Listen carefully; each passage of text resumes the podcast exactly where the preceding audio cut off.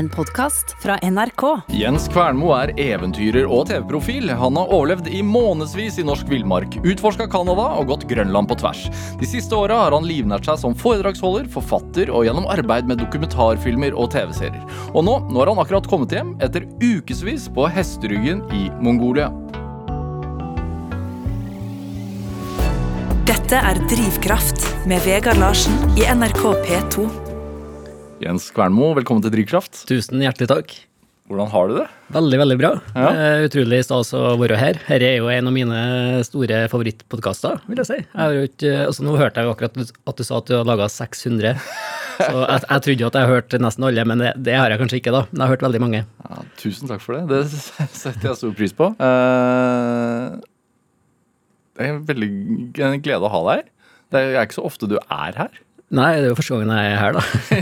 Men det, Ja, men i Oslo også. nei, det er veldig, veldig sjelden, faktisk. Det er det. det ja. Jeg så, så på Instagrammen din at for fire dager siden så sto du foran en fullsatt sal eh, på Steinkjer. ja. Eh, Hva gjorde du der? Da holdt jeg foredrag fra Mongolia-turen, som Ja. jeg nylig har vært på. Hva, Mm. hva gjør du? Hva, hvordan, hva skjer på sånne foredrag? Eh, nei, for det første så er jeg litt sånn nær døden, da, uh, før jeg går på en sånn scene. Ja. Det er jo dritskummelt, men uh, utrolig artig. Det, og det her var veldig artig, da, for det var åpningsuke på det nye kulturhuset på Steinkjer, der jeg kommer fra. Så ble jeg invitert til å, til å holde et foredrag da, fra Mongolia, og det var jo ja, stor stas. Og fullsatt sal og ja, helt magisk stemning. Hva forteller du om da? Nei, det er jo øh, Så jeg har jo Jeg har egentlig en liten Jeg, har ikke, jeg planlegger egentlig ikke de foredragene så veldig nøye, da. Jeg setter opp en rekke med bilder, filmer fra en sånn tur, og så øh, har jeg en sånn grov skisse på en måte på historien, da. Ja. Altså, jeg vet jo Jeg var jo der, så jeg vet jo hva som har skjedd, og så er fordelen er at ingen i salen var der, ikke sant? Så hvordan, hvordan det her blir, på en måte, det, det er jo ikke så nøye, ikke sant? Det er ingen som kan ta meg på noen ting. Hva håper du at folk skal få ut av det? da? Eh, nei, det viktigste Altså, jeg har en sånn sterk drivkraft i at uh, når de går ut fra den salen, så skal de for det første være underholdt. da, Altså at det er veldig liksom å sluppe alle andre tanker, at de var sugd inn i på en måte opplevelsen. Eh, og så håper jeg jo at de blir inspirert da, til å ikke nødvendigvis gjøre det samme, men ja, tenke over livet kanskje litt. Alle i den salen har jo en drøm, ikke sant? Alle de 600 som satt der, har, har jo sin drøm, ikke sant? Men som kanskje ikke Så det er kanskje bare noen prosent som har tort å gjort noe med det, da. Så mm, målet er litt sånn at de, de siste skal få et sånt spark i, i ræva, da. Og mm, ja, og sette den drømmen som et mål, og, og prøve å, å gjennomføre det, da. Veldig fint prosjekt, syns jeg. Er det, og etter det så så jeg at du dro rett til Finnmarksvidda. Ja, da var jeg på ja. Det er to dager siden, eller noe sånt? Ja, jeg har vært der noen dager nå, og jeg kommer jo rett, der, jeg kommer rett ifra vidda nå. Ja. Så da har jeg vært på Altså bokstavelig talt. Ja, rett fra Finnmarksvidda, ja. Mm, og rett hit. Hva har du gjort? Nei, der var jeg på tur. Og ja, jeg var på tur med noen uh, venner av eh, Nå er jo en svigerfamilie der, da. Så jeg har Så jeg vært på, ja, vært på besøk og vært på rypejakt, og det var helt vanvittig med rype opp der, og det var ja, fantastisk opplevelse. Bra rypeår. Veldig, veldig veldig bra rypeår. Det var altså, vi så også hundrevis av ryper uh, hver dag. Så det var ja, og noen navner sekken, og noen navner i gryta, og Hvor- gode middager. Hvordan smaker rype, selvskutt rype på vidda? Eh, Selvskutt rype på, på vidda smaker jo helt himmelsk. Eh, elsker jo mm, ja, eh, være på tur og, og spise den maten jeg skaffer meg underveis. da. Så det, det, nei, det er fantastisk. Rype er noe av det beste du kan få. Hvor, hva er trikset? Jeg har en kollega, eller vaktsjefen min, han, han eh, har skaffa seg børse og tatt jegerprøven og sånne ting, og har gått på rypejakt. Ja. Jeg tror ikke han har skutt i været engang. Hva, hva er hemmeligheten? Hemmeligheten for å få rypa i sekken? Ja. Uh, det er veldig uh, Hva heter det? Kronolog... Nei, hva heter det når det er sånn symmetri? En sånn, så, jo lengre du går, jo større sjanse er det for å få, få fangst. da. Ja. Det, på rypejakt er det litt sånn. Og så må man gå i et terreng der det faktisk er ryper. da. Det er jo kanskje det første kriteriet. At det for begynner, begynner Hvordan vet man, vet man at det er det? Nei, hvis man rusler rundt i Oslo her, så finner man jo ikke i hvert fall ikke sånn rype med vinger, da. Det gjør man ikke. Eh, så mm, man må jo til fjells, da. Og så gå i eh, Ja, som på den tida her, så bor rypene gjerne der det er fuktig. Altså det, for eksempel hvis du er i en fjelldal, da, så må du ikke gå opp i sidene, men gå lavt, for det der liksom det er fuktig terreng, da, med litt sånn buskevekster og, og kjerr og lyng og sånn. Eh, ja, det er første steg. Og så må jo, jeg bruker å tenke at uh, når jeg er på jakt, så alle dyr trenger jo mat og vann og skjul og, og sånne ting, uh, så det må du lete etter, da. Og så vil de gjerne ha varme og trygghet, så hvis at du går og er, hvis det er sånn kald vind, hvis at du, det kommer sånn nordavind, ikke sant, og du går uff, oppå ryggen her, var det liksom, her var isende kaldt, der er det ikke noe dyr. Da er de og kalde, ikke sant. Og så kommer du kanskje over en bakkekam, og så ned i en dal, og så tenker du åh, må du åpne jakken, ikke sant, det var, her ble det godt og varmt. Da er du på rett plass. Ha. Så du Du må tenke, tenk, du må, som en rype. yes, du må tenke som det dyret du er på jakt etter, da. Hvilket dyr er vanskeligst å jakte på? Um, nei, alle dyr er jo på en måte kan jo være vanskelig, og det er jo det som gjør det spennende, og det er veldig bra òg, da, at det er sånn. Ehm, jeg syns jo kanskje det er mest spennende å gå etter sånn hjortedyr i skogen, bare helt alene. Ehm, gjerne litt sånn nysnø, eh, desember. Det kommer litt sånn ti centimeter nysnø på natta, eh, går ut på tidligmorgenen i skumringen og begynner å lete etter spor. Ikke sitte på post? på Nei, nei, nei, nei, ikke sitte på post, men så bare gå etter sporet, eh, for da må du virkelig da, da føler jeg meg litt som et sånt rovdyr da, i skogen, og sniker meg etter, og så ser jeg hvordan de går, og så noen ganger tar jo dyrene sånn fiskekroker før de skal legge seg og hvile da. Ja. Eh, og det må du jo tenke på, ikke sant, og det, sånn, det synes jeg er på en måte den optimale prøvelsen da, som en jeger. Hadde eh, juristen Anine Kierulf her eh, for, noen, program for noen, eh, ja, en stund siden, og hun fortalte om en sånn voldsom reaksjon eh, hun følte etter at hun hadde skutt elg, f.eks. Mm. Hva merker du etter at du har felt dyret? Um, er sånn blanda følelse, egentlig. Det er um, ja, både trist og Det er sånn tristhet og lykkefølelse i samme, egentlig. Uh, uh, for det er jo et, på en måte et liv. Uh, og så uh, har jeg jo på en måte føler jeg har gjort det på en måte på naturens måte òg, da. Uh, veldig viktig for meg at, jeg, at man ikke gjør det på en sånn måte at dyret ikke har en sjanse, da. Altså det blir veldig feil for meg, da.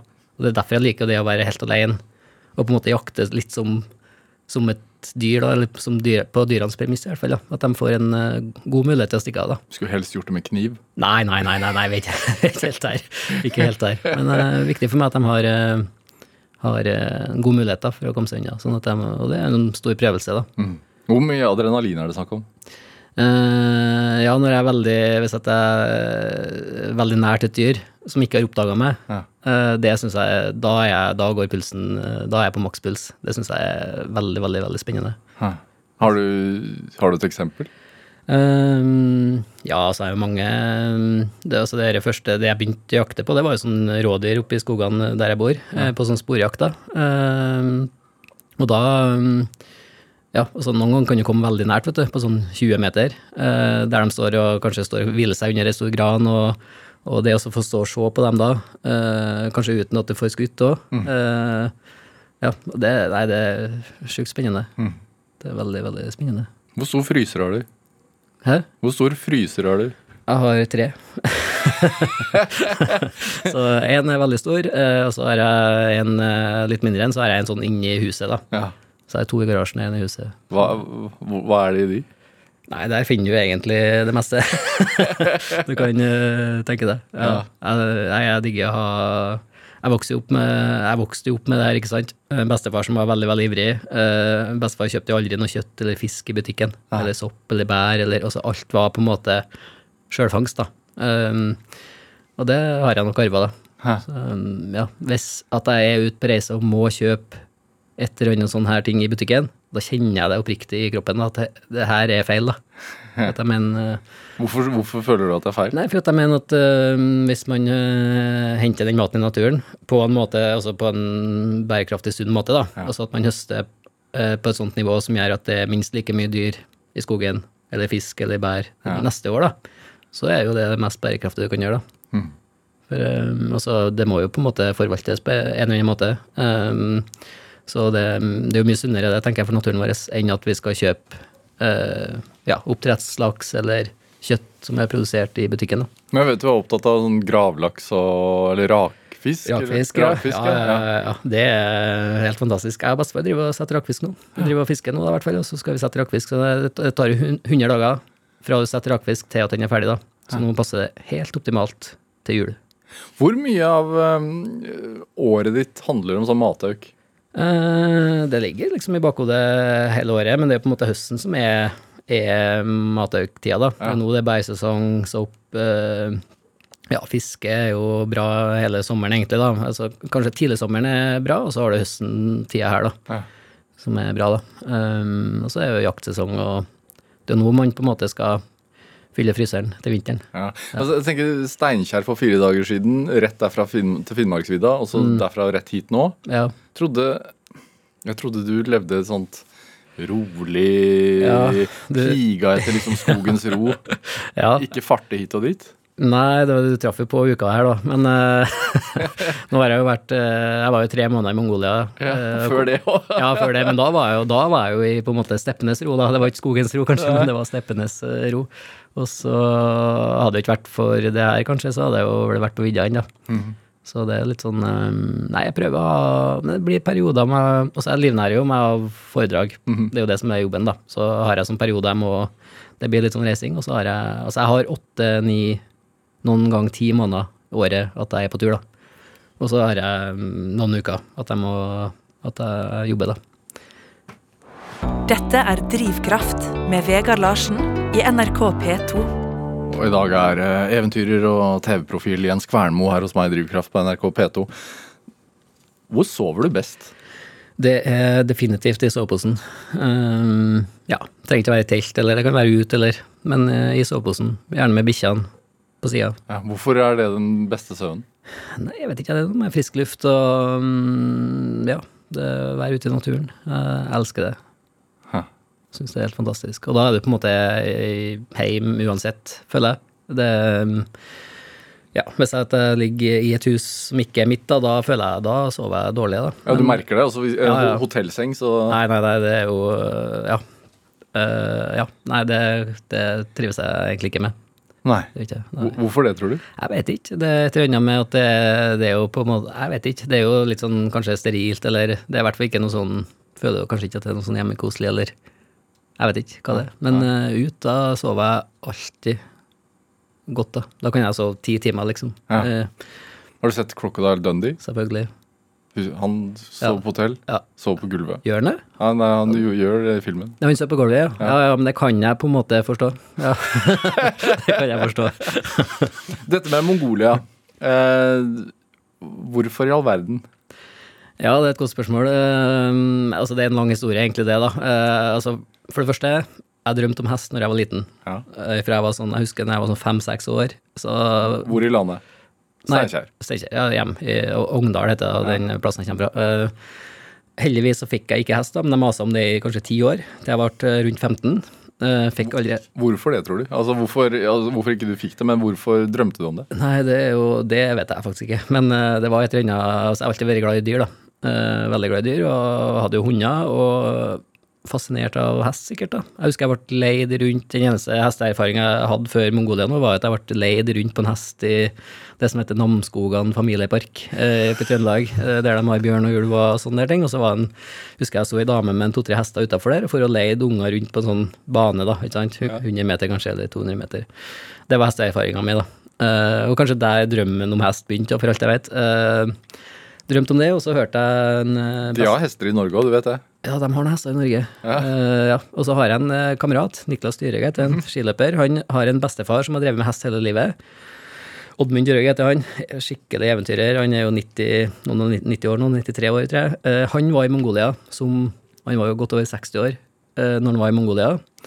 Uh, rei over steppene der ja, eh, for et, snart 30 år siden. Hørte jeg historien derifra. Da begynte Mongolia-drømmen å plante seg. da. Hva fortalte han, husker du? Uh, nei, det var veldig mye røverhistorier, husker jeg. Så jeg vet ikke om jeg skal ta alle her, men uh, Det var uh, ja, Nei, det var, hørtes ut som et fantastisk eventyr, i hvert fall. Ja. Og da det var, det var nok da den her Mongolia-drømmen planta seg skikkelig. Og så har jeg jo vært og reist mye rundt omkring til urfolk, da. Og det som er felles med alle, både i Canada, Alaska, eh, Grønland de, og Sibir, det er at de utvandra fra Mongolia en gang i tida. Så jeg ville på en måte ja, litt til kjernen i Og så se hvor de på en måte kom ifra. Det var, det, det var en sånn sterk motivasjon, da. Og så begynte jeg å undersøke Mongolia. eh, Og så fant jeg et sånt eh, folk som hadde tamrein, altså reinsdyr, og så på bildene der, og det var liksom veldig likt som den samiske eh, kulturen vi har i Norge, med lavvo, de bodde i lavvoa, eh, hadde rein, og så videre. Så da begynte jeg liksom, kanskje, og samene, kanskje den kulturen òg har vandra, kanskje, kanskje eh, deres kultur derifra òg. Eh, så det, det utvikla seg. Det ble et veldig sånn, spennende prosjekt for et par år siden. Eh, så ja, fikk jeg nå ut fingeren i år og bare uten noe videre stor plan, som vanlig, så for jeg nå. Ja. Er det som vanlig, sier du, bruker du ikke å Altså, hva har du planlagt på forhånd? Eh, veldig, veldig veldig mye mindre enn det folk eh, tror, tror jeg. Det er Hva har du med deg? eh, Nei, jeg får med en sånn ryggsekk, da. Med det jeg tror jeg trenger for å, i den perioden, da. Eh, Hva har man med seg til Mongolia? Til Mongolia så hadde jeg med meg Det hadde jeg med meg veldig lite, da. Det hadde jeg med meg ja, litt klær, eh, regnklær, eh, kaffekjelen og litt fyrstikker og ja. Eh, det er egentlig det. Ja. Veldig lite. Altså, Altså, jeg tror jo på det at eh, jo mer man planlegger, jo mindre eventyr blir det, da. Det er jo på en måte eventyret jeg søker her. Eh, og jo mer jeg planlegger, jo mer sånn detalj altså Den dagen skal jeg komme dit, og den dagen skal jeg reise dit og møte den og den personen. Altså, da dreper du eventyret, da. Jeg elsker å komme dit. Eh, jeg har en plan, da. Altså, jeg skal til det, prøve å finne reinfolket. Eh, jeg skal kjøpe meg hester, for det har jeg alltid drømt om, ikke sant? Eh, og så skal jeg prøve å ri og komme meg dit, da. Det var altså, det var eneste jeg hadde som researcher, research, altså plan før jeg for til Mongolia. Ja, Så mm, returbillett? Nei, Nei. det hadde ikke jeg. Det, jeg elsker å reise på sånn enhetsbillett. Altså det med å ha åpen horisont, jeg vet liksom ikke Altså jeg har Nøkkelen med å gjøre en sånn type tur uten planlegging, det er å ha god tid. For at jeg, du vet jo ikke eh, Altså jeg kan jo, det kan ta meg tre dager å skaffe meg hest, og det kan jo ta meg tre uker, da. Det vet jeg jo ikke. Altså jeg vet jo ikke. Hva sier du når du Altså du- du- til de nære, da, før du reiser? Nei, det er jo det jeg sier nå, så jeg, har, jeg vet det er jo ikke mer å si annet enn at jeg, jeg vet ikke når jeg kommer hjem. Det, så jeg var jo i Canada en gang, da kom jeg da, det var jo ett og et halvt år. Uh, uten at jeg visste Jeg visste ikke om jeg skulle være borte et halvår eller et år, eller, eller hvor lenge det skulle bli, nei. Hvor mye, mye penger har du med? Eh, nei, veldig lite, egentlig. Det er jo egentlig veldig billige turer, da. Er det. Så um, det som er dyrt, er jo den logistikkbiten. Reising. Uh, og så hester i Mongolia, det visste jeg egentlig ikke hva det kosta. der ble jeg jo lurt, da. Veldig, veldig mye. Men hvor, hvor, hvordan starter Altså, du lander jo på flyplassene. Mm. Eh, hvor, hvor starter du? Eh, Da var det, sånn som i Lamator, så var jeg, for jeg surra utenfor flyplassen der, og der var det jo mange sånne som for og prøvde å plukke opp turister, da, eh, for å kjøre dem inn til byen. Og så fant jeg en sånn luring som prata litt engelsk. Jack het han, men han het jo egentlig ikke Jack, han het jo et eller annet sånn mongolsk, men han kalte seg for Jack, da, så han var jo profesjonell turistkaprer. Men han passa utmerket, da, for de prater jo ikke engelsk i Mongolia, det er kun mongolsk. Så han følte jeg passa utmerket, og så ba han bare jo ganske sent på kvelden eller på ettermiddagen, da, og så tenkte jeg ok, jeg begynner bare på med å finne meg et eller annet billig motell her. Um, så jeg fikk han til å kjøre meg på et sånt uh, Ja, um, kosta 50 kroner natta. Uh, lå jeg der en par dager, og så ja, fant jeg en gjeng som drev med noe sånn pil- og bueskyting. Ja, hvor leter du da? Du forsøker å finne Ja, altså, må, liksom, man må jo begynne en plass, da. Ja. Uh, og så jeg hadde jo god tid, ikke sant. Jeg visste jo ikke, jeg visste ikke når jeg skulle hjem, så jeg hadde jo veldig god tid. Uh, ja, så fant jeg en gjeng som drev med pil- og bueskyting, og så var jeg med dem et par dager, og så fikk jeg Hvor lett er det å finne og bul, altså, pil og bue-gjengen i Mongolia? Det er ganske enkelt, faktisk. Det var eh, Google. så så jeg det var en gjeng Det var et eller annet For å slå i hjel litt tid, da. Det var jo egentlig det. Uh, for at jeg, det tenkte jeg, altså, det var jo en, Jeg har jo sett Mongolia Altså, Djengis Khan, ikke sant? Ja. Alle har hørt om han. Han erobra hele Asia, nesten, da. eh, På sin livstid med hest og pil og bue. Det er ganske sjukt å tenke på, faktisk. Så det tenkte jeg det må jeg prøve. så det var en sånn liten sånn guttedrøm, da. Eh, Så begynte jeg bare med det, og så fikk jeg meg så Plutselig havna jeg på campen deres med 30-40 hester. Eh, Så fikk jeg bo der i to uker, var hestegjeter. Perfekt, for da lærte jeg meg litt sånn Hva gjør man da? Eh, Prøve å ikke bli sparka og bitt, egentlig. Fordi hestene der er ville. Ja. Eh, Hvordan kommuniserte du da? Nei, det er tegnspråk, da. Og så var det én ei dame der som prata litt engelsk. Eh, eller som ja, tåler greit engelsk. Så jeg, så jeg fikk liksom lært meg litt som mongolsk, da. Eh, lært meg hest og telt og Hest på mongolsk er mørr, hvis du har lyst til å reise til Mongolia. Uh, ger er telt, og hånd er sau, og er litt sånn helt sånn enkle ord, da. Eh, og så er det noe Nei, tegnspråk og observer. Hæ. Så bodde jeg med dem i to-tre uker. Og de bare tar deg imot. Ja, det er jo alltid noen dager altså det, Mongolia var ekstremt gjestfritt. da. Ekstremt gjestfritt. Så det var, jeg følte jeg var rett inn med en gang. Uh, ja, så nei, bodde jeg der og Det er jo galskap når man tenker tilbake på, egentlig, men uh, det er sjukt sånn eventyr, da. Ja. Og var veldig spennende. Han ene gu- unggutten som var gjeter, het for Baska. Og så han var, mm, var skikkelig ja, Etter vi var ferdig med å gjete om dagene, så var jeg på kveldene, så rei vi alltid noen turer, da. Og så var det sånn kiosk, husker jeg, var fem-seks kilometer unna. Eh, Så rei vi dit en kveld, og så oppdaga han at jeg hadde sånn kredittkort. eh, Så bankkort, da. Det hadde han sikkert aldri sett før, ikke sant. Eh, Og så Han trodde nok at jeg kunne bruke det kortet og betale, og så kjøpe alt mulig rart med det kortet, da. For at jeg tror ikke han hadde noe forhold til at det var penger som var innpå der. altså Det var en sånn altså noe som kan gå tomt, da. Det tror ikke han hadde, det tror ikke han skjønte. da. Så han trodde at med det kortet så kunne man egentlig bare kjøpe alt, da. ja. Uh, Så det var fascinerende. Hvor dyrt ble det? Ja, Mongolia er veldig billig, heldigvis. Men han ble veldig glad til Men lærte du å ri? Jeg har sett Det- noe, jeg, eller det, det, det, det er et dårlig spørsmål, for jeg har sett bilder av deg, eller video av deg på, på internett hvor du rir og skyter med pil og bue. Så du lærte deg å ri, men hva, hva, hva Mm. Det, Dette sies jo å være verdens vanskeligste hester. Fordi de er jo Ja. delvis ville. Ja, de er jo ville. Altså, de går jo, altså, det er jo alltid noen som eier her hestene, da. Uh, men de går jo løs. Så de er som eh, tamrein i Norge, på en måte, da. Som går løs i, i fjellet på steppene i Mongolia og, og blir eh, ja, hanka inn i ny og ne, da.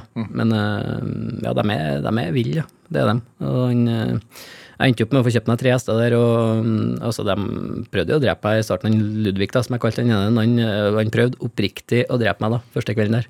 Prøvde å springe meg ned og sparka og, og beit og Nei, det var Men hvorfor kjøpe? Altså, fordi de, de er jo der. De er jo, du har jo ikke noe altså, Du har jo ikke med deg hestene hjem. Nei, jeg prøvde faktisk, men det gikk ikke. Eller det gikk, da, men eh, det jeg fant ut, var at jeg måtte ri dem til Thailand, og så kunne jeg fly dem fra Thailand til Europa, og så måtte jeg, kunne jeg få dem hjem til Norge derfra, da. Så det ble litt sånn overkill, og så viste det seg at de var ganske gamle òg. altså, jeg trodde at jeg kjøpte hester som var sånn i sin beste alder, seks-sju år, eh, og så viste det seg at eh, to av dem var 15, og én var 23. og så betalte jeg dobbelt så mye for dem òg, som, som, som jeg hadde trengt å gjort for en, en hest i sin beste alder. da. Så jeg gjorde en sånn ordentlig hestehandel der. Men også sett i ettertid, jeg ville ikke kjøpt kjøpe noen andre hester enn enn Ludvig Gunnleif og Tornado. Nei, når, føler du at nok er nok, og du tenker nei, nå må jeg reise hjem? Um, det er veldig sjelden jeg har sånn veldig lyst til å reise hjem, faktisk. Eller jo, jeg har jo sånn hjemlengsel, men ehm, jeg syns det er så sjukt spennende. Det, er- det er så eh, Man møter jo alltid nye folk, og, og så- men liksom litt av målet på turene er jo å, kjenne litt på kulturen deres òg, da. Mm. Eh, Sånn som jeg var på Grønland, så var det å bli litt grønlender, kjenne på det, mm, kjenne på livet deres, på en måte. Eh, Og da mener jeg at ja, du kan observere og se og liksom trekke konklusjoner hvordan de lever, men hvis at du er der så lenge at du føler at du er en av dem, da, da, da ser du bare ikke kulturen, du føler den på en måte litt på kroppen òg, da. Du kjenner jo, du spiser det samme, bruker samme klær, du lever på samme måte, så da kjenner du på en måte hvordan det er å være en grønlender, da. Og samme ville jeg i Mongolia òg, da. Og det var òg grunnen til at jeg ville ha egne hester, da, for da, da kjenner jeg jo litt mer på livet deres, da. Hva lærte du, da? Uh, ja, i Mongolia. Ja. For, eh, så de har en sånn uh, Det jeg sitter igjen mest med, det er definitivt gjestfriheten deres. Og så når jeg, eh, altså vi rei jo i mm, eh, Jeg tror vi rei ca. en måned før vi kom frem til det reinfolket, da. Og uansett, da, og så de bor i telt, disse nomadene, gjennom hele året. Og uansett hvordan ger, som, som det heter på mongolsk, da, eh, vi stoppa ved, så ble vi alltid invitert inn. De slapp alltid det de hadde i hendene, eh, ble invitert inn, og de satt alltid fram den, den beste maten de hadde. Mm. Og det var, de, de var liksom ikke fornøyd før, før jeg hadde spist meg mett. da. Hva var det?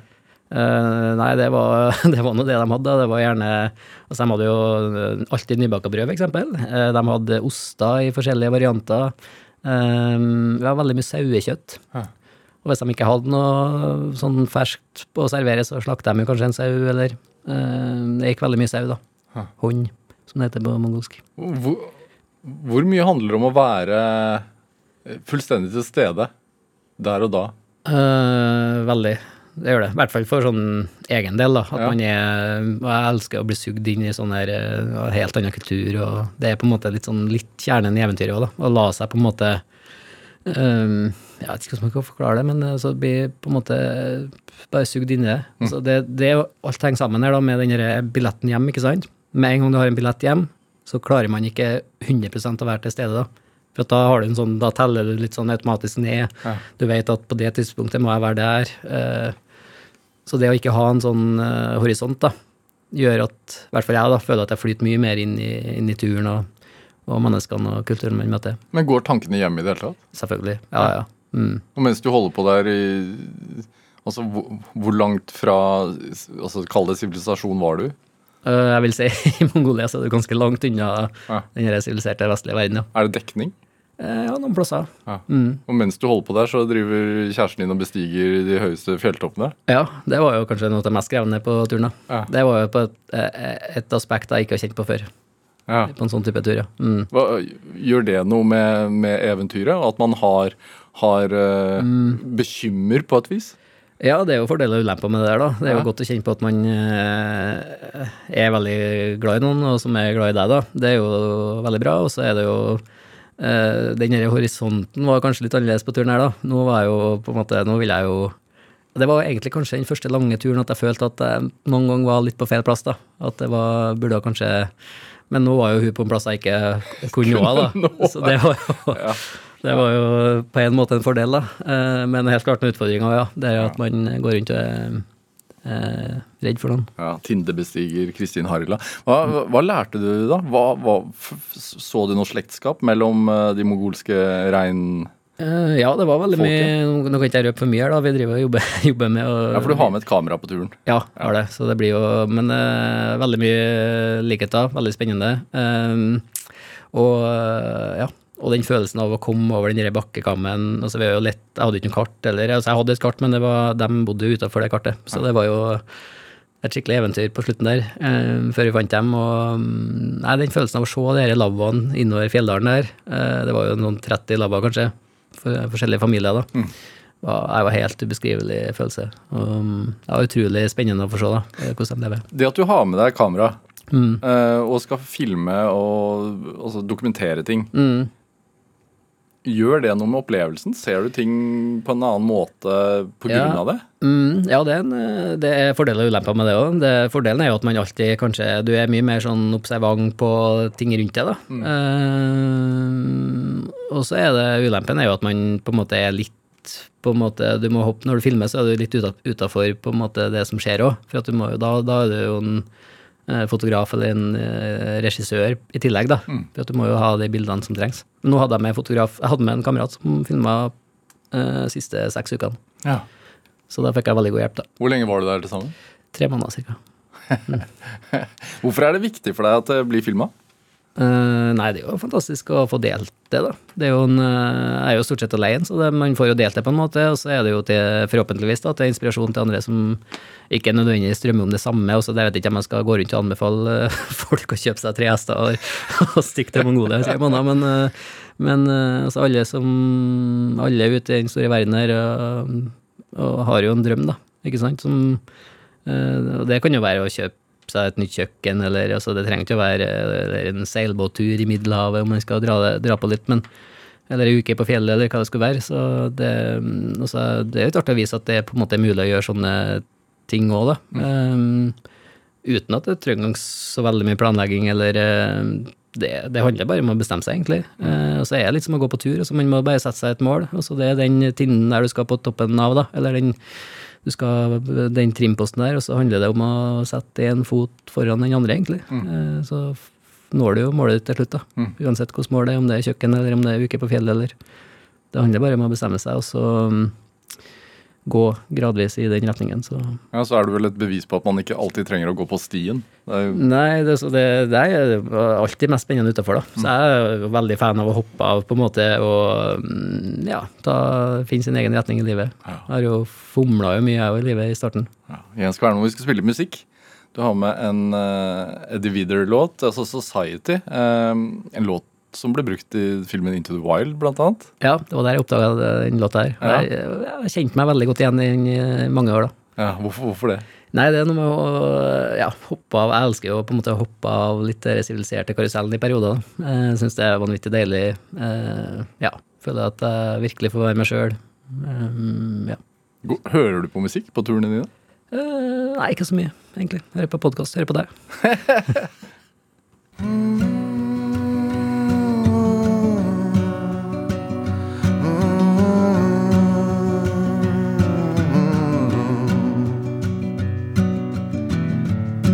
it's a mystery to me. We have agreed with which we have agreed. And you think you have to want more than you need. Until you have it all, you won't be free.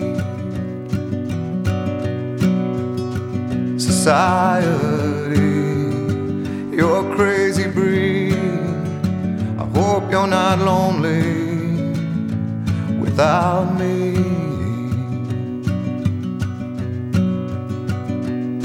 When you want more than you have, you think you need. And when you think more than you want, your thoughts begin to bleed. I think I need to find a bigger place. Cause when you have more than you think, need more space. Society, you're crazy breed. I hope you're not lonely without me. Society, crazy indeed. I hope you're not lonely without me.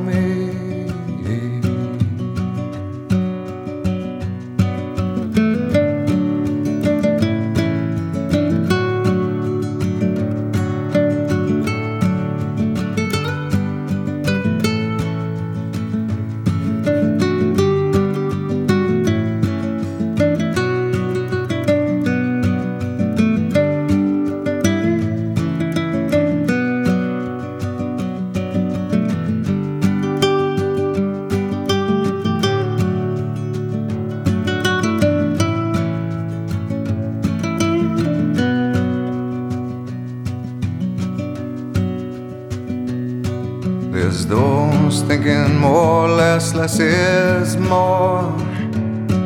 But if less is more, how you keeping score?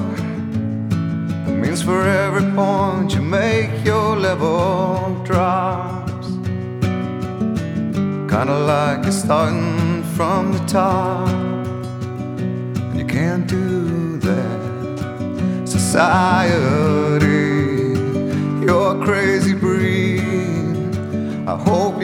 lonely without me.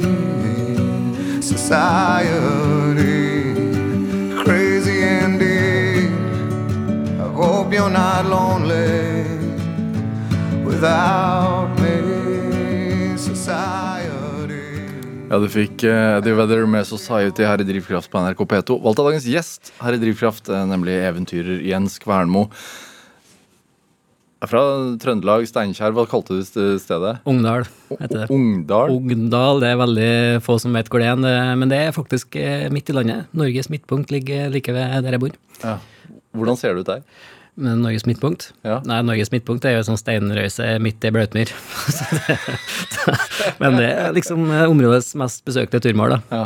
Det, det, er- det er fantastisk fint. Vi har eh, Hvordan ligger barndomshjemmet? Det er, altså, Ogndal er jo en lang dal eh, langs elva Ogna, som den heter. Fire mil eh, lang eh, dal som strekker seg helt inn til fjell, fjellet, eh, grensa mot Sverige. Ja, store skoger, eh, veldig mye myr, da. Det er jo Trøndelag. Og det er eneste plassen i verden vi har blaute myrer i bratte motbakker, tipper jeg.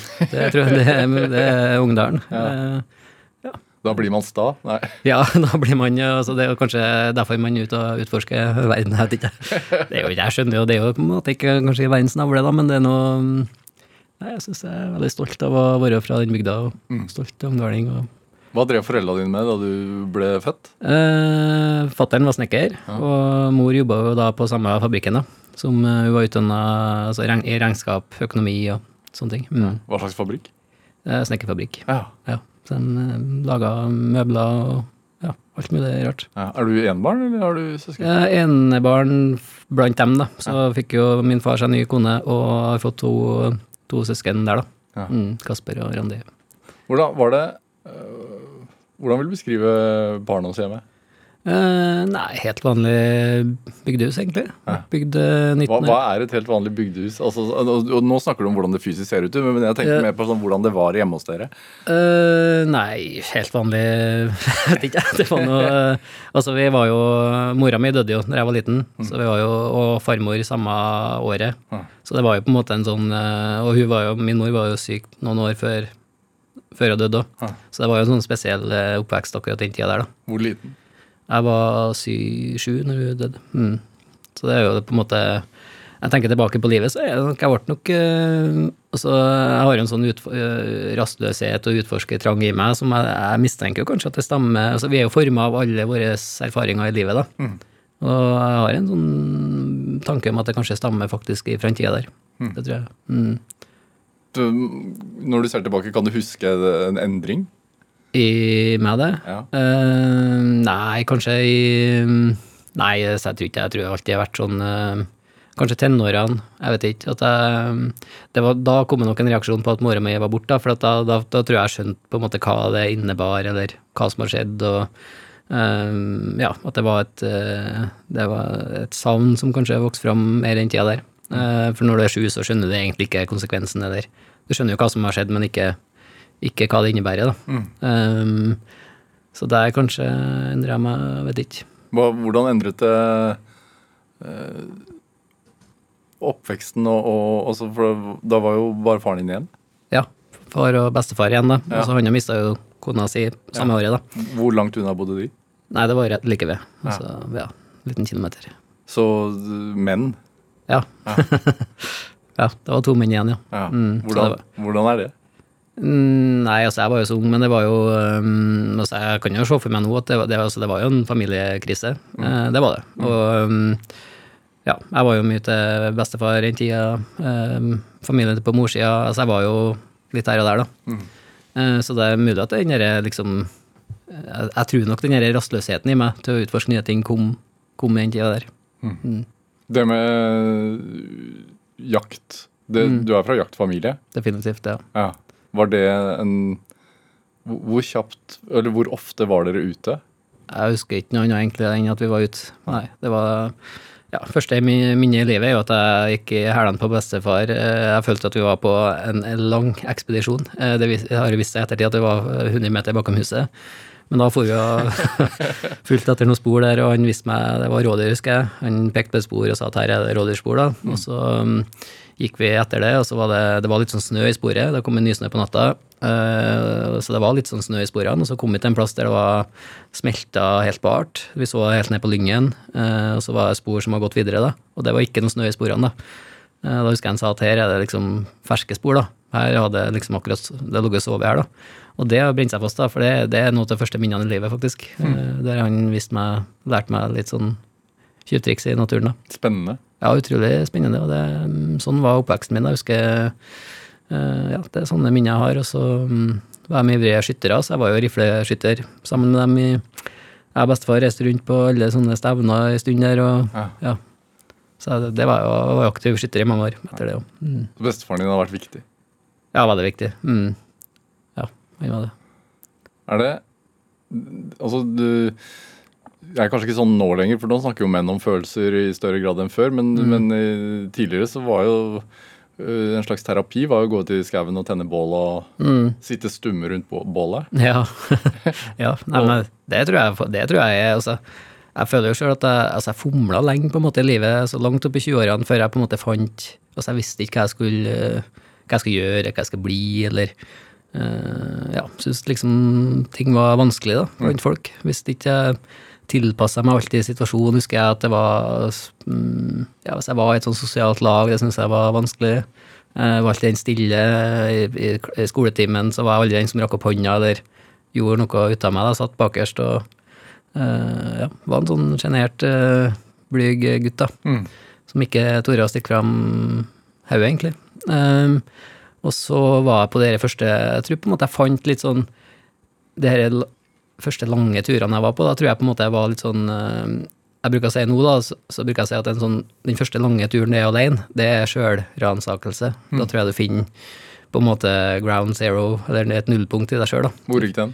Hæ? Hvor gikk den turen? Ja, det var Hjemfjellet, Sjekkerfjellet. Ja. Mm. Um, noen måneder der. Og så Noen måneder, ja. Ja. ja. Men også hadde vi besøk av venner og familie og sånn, ja. Eh, og da tror jeg du finner på en måte Du finner virkelig rota i deg sjøl. Eh, På, på hvilken måte? Altså, hva, hva, Eh. hvorfor, hvorfor, hvorfor får- man svar av å være aleine i fjellet? jeg tror du For at du kan altså Naturen er veldig rettferdig, da. Den behandler deg likt uansett om du har gjort uh, jobba, har masse penger, eller om du er rakeblakk, som jeg var på, var på den tida, eller om du Så den behandler deg hvis at du er flink. eh, gjør ting rett, så kan du legge deg mett og varm og god og eh, våkne opp til en fantastisk morgen, men er du sløv, lat, eh, ikke behandler naturen fint, og du bare doser fram, så legger du deg mest sannsynlig våt og kald og, og sulten. Ja. Eh, og da får du en dårlig dag eh, dagen etter. Så den er veldig sånn fair, føler jeg. Og det Men, men enkel også, på et vis, da. ja, kan være brutal, men òg eh, veldig enkel, da. Hvis at du eh, ja, er flink og gjør ting på en måte rett og eh, tar vare på naturen. Er det, er- det fremdeles en slags terapi? Ja, hvis det har vært mye eh, Ja, hvis jeg har vært mye på farten og vært mye ja, foredrag, for eksempel, og masse greier som skjer, så da syns jeg det er herlig å ta med hundene og, og stikke ut, ja. Du på en måte det, det, som jeg sa, første turen er sjølransakelse, der du finner, finner nullpunktet i deg sjøl, tror jeg. Og så er de turene etterpå det er noen sjølrenselse, der at du på en måte filtrerer bort alt som har eh, Alle inputs du har fått, da, så på en måte det er tilbake til deg sjøl igjen. Hva var det som trigga det? At du tenkte nei, nå må jeg til fjells, nå må jeg ut på den turen? Uh, altså jeg har jo den friluftsinteressen og naturinteressen i bunnen. Jeg er veldig glad i og alltid vært glad i å være ute og mm, ikke nødvendigvis være på jakt til fisking, men altså å være ute, da. Um, uh, så det har alltid ligget der. Uh, og så hadde jeg en drøm om å mm, se om jeg klarte å være lenge, da. Eh, hvor lenge kan jeg på en måte klare meg sjøl? helt alene, skaffe meg maten, og hvor lenge klarer jeg å overleve i naturen, da. Eh, det var òg en sånn spennende utfordring eh, på den tida der. Og så ble jo turene gikk fra å være en sånn helgetur til ukesturer til månedsturer til tremånedersturer til et år. Også. ett og et halvt år var det lengste, da. Men sånn ønske om å komme bort, da.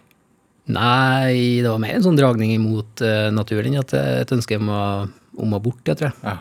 Det var det. Men det var en sånn ja, som jeg sa, jeg fomla på en måte litt. Jeg visste ikke på en måte hva skal jeg gjøre, eller skal jeg altså, Jeg føler jeg sånn i Jeg følte at det var sånn Det var forventning om at du skal, du skal ta utdanning, du skal få deg bra jobb, og det skal se fint ut, huset skal være fint, og bilen du skal Altså, det, det er jo bare tull, egentlig. Hæ? Er ikke det? Jo, Litt sånn, det er sånn- det er sånt, det er noe vi har skapt uh, Det er et sånt sivilisert skapt uh, samfunn, da, som et bilde på hvordan på måte vi skal leve. da. Og så skal du ha hytte på fjellet, og så skal du ei uke til Syden, og så Ja. Og, eller hvis man reiser på tur, så skal man ha billettur-retur, og man skal vite når bussen går, og, Ja. og hvor lenge man har det hotellet, og man skal helst ha Ja. stelt restauranten på forhånd. Ja, ja jeg syns at det, eh, det passer meg ikke, da. Det gjør ikke jeg, dessverre. det gjør jeg ikke. Og så, ja. Men det, det med at det har blitt et levebrød fordi det én ting er jo å, være glad i naturen og oppsøke det og, og kose seg i naturen. Mm. Men det å klare å gjøre det til, som du sier, da, du eh, kan reise ti måneder i året, og så Eller mm. reise store deler av året, men jobbe lite. Mm. Hvordan skift, skjedde det? Eh, Veldig, veldig tilfeldig. Det var eh, Det var i 2015, så tok jeg da Jeg hadde ikke hatt noen fast jobb, men jeg hadde sånn vikariat ute i Nordsjøen som sånn dekksgutt, og så eh, jeg hadde en drøm om å bare være eh, lenge i naturen, da. Eh, Og da satte jeg meg et mål om at jeg skulle være fem år da, på tur i 2015 der, og sa opp den vikariatjobben jeg hadde. En e-post, og så Jeg hadde jo ikke noen kontrakt, eller noen ting, så det gikk veldig enkelt. Men det var s- altså superskummelt. da. Det var livsfarlig. Eh, husker jeg fikk, jeg fikk ikke noe støtte fra nærmeste, eller eh, det var sånn Hvorfor i alle dager skal du gjøre det der, liksom? Eh, det skjønner jeg jo veldig godt, da. Men det var nå liksom drømmen min å prøve å, å, å gjøre det. Og så kjøpte jeg meg et videokamera til sånn 3000 kroner, eller noe sånt, billig ræl. Hvorfor det, tror du? Nei, jeg ville vist liksom de nærmeste, først og fremst. da, At dette var så hvor fint det kan være, da. Å være, være lenge i naturen. Ehm, ja, så jeg vet ikke. Vil ville vist det frem, og kanskje til inspirasjon. Det er så kun til den nærmeste. Ja. Eh, så husker jeg kom hjem fra den eh, første turen der. ehm, eh, og så las, Jeg hadde jo aldri rørt et videokamera før turen. Jeg satt og binsja sånne naturprogrammer, husker jeg. Jeg så hvordan de filma, så nære bilder, store bilder, natur, og så og så Lars Monsen han snudde jo alltid kameraet mot seg ikke sant? og, Ja. og prata sånn. Og så ok, det, det, her, ja, det her må jeg få til. og mata på. Eh, Filma mye greier. eh, det var jo helt elendig. Men eh, jeg kom hjem, lasta ned et sånt eh, redigeringsprogram. Final Cut heter det. 30 dagers sånn free trial. Ja, Så jeg hadde ikke penger, så jeg hadde ikke, det kosta jo Skulle ikke ta abonnementet der. Nei, nei, nei, nei, nei, så jeg skulle ikke ha abonnement. Eh, så jeg hadde 30 dager da, på å lage en film da, Ja. fra den turen. Eh, så når liksom på dag 30, det var, det var liksom ok, da ble det sånn, da. Og da lasta jeg ned noe sånn gratis musikk, og det var jo helt forferdelig. Uh, Mata ut på YouTube. Eh, livredd, ikke sant. Første, det var uff. eh, jeg hater jo å se meg sjøl nå òg. Og høre på meg sjøl er helt forferdelig. Eh, da var det jo i hvert fall eh, med dødsangst når jeg la ut de greiene der. Eh, så gikk det ikke så mange dager, så ringte de faktisk fra NRK i, i Trøndelag. De har sett den filmen, da. Eh, og lurt på om de kunne få bruke det i et sånt naturprogram, da. Ja. Det Glimt av Norge heter det. Og så tenkte jeg ja, ja, det var jo uh, kult. Så jeg fikk, jeg, jeg fikk 2000 kroner for det opptakene. da. tenkte jeg fy fader, nå har jeg, jeg tjent penger på denne turen. Jeg betalte jo kameraet nesten, og det var, da begynte jeg å se konturene av et levebrød, faktisk. av de pengene der. Så tilfeldig, egentlig, men, men, stå-på-vilje, da. Ja, altså det var jo på en måte aldri noe sånn mål, og det er egentlig ikke det noe der, men det tror jeg kanskje er grunnen til at det ble på en måte òg. At det var mm, Jeg får ikke ut der for å filme, for å lage den der filmen, sånn at jeg kanskje kunne lage et levebrød. Det var jo, Jeg gjorde det jo for at jeg ville gjort den der turen uansett, da. Ja. Har det vedvart? Ja, definitivt. Det har vært, det, det har vært veldig For jeg har hatt tilbud om å blitt med på alt mulig rart, ikke sant, men altså, jeg tror Altså, livet er nå på en måte Altså, det er noe langt, men samtidig så er noe liksom Tida nå er jo nå, på en måte, da. Eh, og det er jeg faktisk litt stolt over, at alt jeg har gjort, det, det kommer fra hjertet, da. Det er ting jeg ville gjort uansett. Eh, Jeg ville reist til Mongolia uansett. Jeg ville reist eh, Ja, det, det er veldig viktig. Hvordan ble Jens i naturen til det? Den TV-serien. Ja. Um, nei, det var jo etter det programmet første der, Glimt av Norge der. Det fikk jo gode seertall, og så Jeg var jo fortsatte jo den, var jo på ny tur eh, når de ringte og ville ha, prøve å lage et nytt program. Og da filma jeg jo, og det, jo, det skulle jo bli ett program, husker jeg, og så ble det til en hel TV-serie, da. Seks episoder. Eh, og da tenkte jeg det var jo helt Altså hobbyfotograf, eh, altså amatørfotograf. Mm. Sjøllært med et videokamera. Da hadde jeg kjøpt et nytt et eh, ja, 6000-7000 kroner og følte at jeg virkelig har investert da, i proft utstyr her. Eh, og så, ja, så det har, det har blitt sånn balla på seg et hjul som bare begynte å rulle der. Og, Men det er helt tilfeldig. Jeg aldri mm, føler ikke at jeg banka på noen dør eller masa eller eh, eh, Ja, det føler ikke at jeg gjør ennå. Tror Tror ikke det er også en del av suksessen? At man merker at det ikke er så planlagt? Altså at det er en, en, eh, en genuin et genuint ønske om å oppleve naturen fra din side? Ikke det å filme naturen, bare? Ja, kanskje. Det, det er Mye av tilbakemeldingene jeg får, er at, det liksom, at de syns at det er ekte òg. At de ser at det, det er fortsatt han Jens som fer og surrer med sitt. og Jeg tror det, det kan være det òg. Selv om det ja, det er mange som sier at det er suksess. Men altså, jeg tenker altså, ja, Det føler jeg òg, men det er på grunn av alt, alle turene jeg har fått gjort. Da, Mm. da føler jeg har vært uh, veldig heldig. Du var jo i Forsvaret en periode. Mm. Hva, hvordan fungerte det reglementet for en som deg? Uh, fungerte veldig dårlig. Så det var ikke, altså jeg var jo der i tre-fire år, da. Så jeg var jo der en stund. Og så jeg det var jo på en måte litt sånn eventyreren i meg, det, tror jeg. Eh, jeg ble faktisk ikke innkalt. Jeg ble, eh, nei, alle kompisene mine ble innkalt til Forsvaret, jeg ble ikke. Og så hadde jeg liksom ja, ville jeg veldig gjerne inn i Forsvaret, da. Så jeg ringte sesjonskontoret husker jeg, og sa at hallo, hvorfor har ikke jeg fått noe innkallelse her? Hva lærer man om seg selv når man er på jobb i Afghanistan? Ehm, nei, man får jo liksom testa sine egne grenser, da. Virkelig. Uh, altså, jeg Ja, jeg lærte jo at jeg kunne gjøre ting som jeg absolutt ikke ville testa meg sjøl på i det sivile. da. Det var jo ekstremt krevende. Og så var jo et, eh, Det var òg altså, Hvis man skal liksom trekke altså Hvorfor jeg endte opp i Mongolia altså, Det var òg første møtet mitt med et, eh, et, et folk da, som livnærte seg i, i naturen. Jeg husker det fjellbygdene oppe i Afghanistan. Altså, det er så øde, det, og de har ingenting. eh, men de klarer seg. Og det husker jeg var utrolig spennende. da. Eh, samtidig emosjonelt sterkt òg, for at eh, de ungene som vokser opp der, jeg, vi kan være der på sommeren. Da får ungene og leker med, ja, med noen dårlig slitte klær, eh, noen tøfler. Og så kom vi tilbake på vinteren, så for de rundt i akkurat de samme klærne. da. Mm, Det var bikkjekaldt. Eh, Jeg husker en natt vi var på tur fra ene landsbyen til neste, midt på natta der i tre-fire-tida. Så får vi se noen dyr foran oss på veien der. Så kjører vi opp, da, så ser vi at det er en sånn vettskremt liten gutt da, på sånn 10-12 år eh, som gjeter de dyrene fra ene landsbyen til neste, og det var altså flere mil. da. Um, og sånn lever de faktisk, nedi der. Og det husker jeg satt spor for. Det var, jeg var 21-22 når jeg var der, da. Uh, så det har satt dype spor. Hvordan, hva slags spor?